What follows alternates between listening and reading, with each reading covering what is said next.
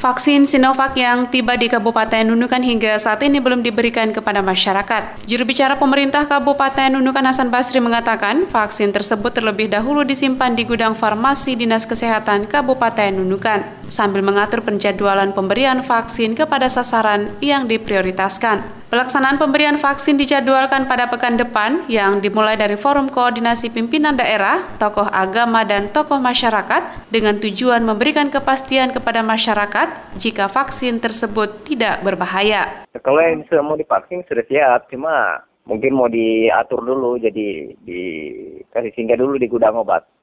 Eh, kita menunggu lagi apakah hari Selasa atau hari Rabu depan. Lebih lanjut, Hasan menjelaskan sebelumnya pemerintah daerah sudah melakukan rapat koordinasi dan memutuskan untuk pemberian vaksin diprioritaskan bagi tenaga kesehatan yang melakukan penanganan COVID-19, selanjutnya kepada masyarakat umum. Ya, didahulukan Forkopimda, kemudian tokoh masyarakat, tokoh agama, eh, tenaga-tenaga kesehatan pengurusnya itu sepakat untuk mendukung vaksinasi COVID. Untuk Kabupaten Nunukan Kalimantan Utara, pada tahap pertama mendapatkan jatah sebanyak 3.640 dosis. Jumlah tersebut akan didistribusikan kepada seluruh tenaga kesehatan yang tersebar di 21 kecamatan se-Kabupaten Nunukan.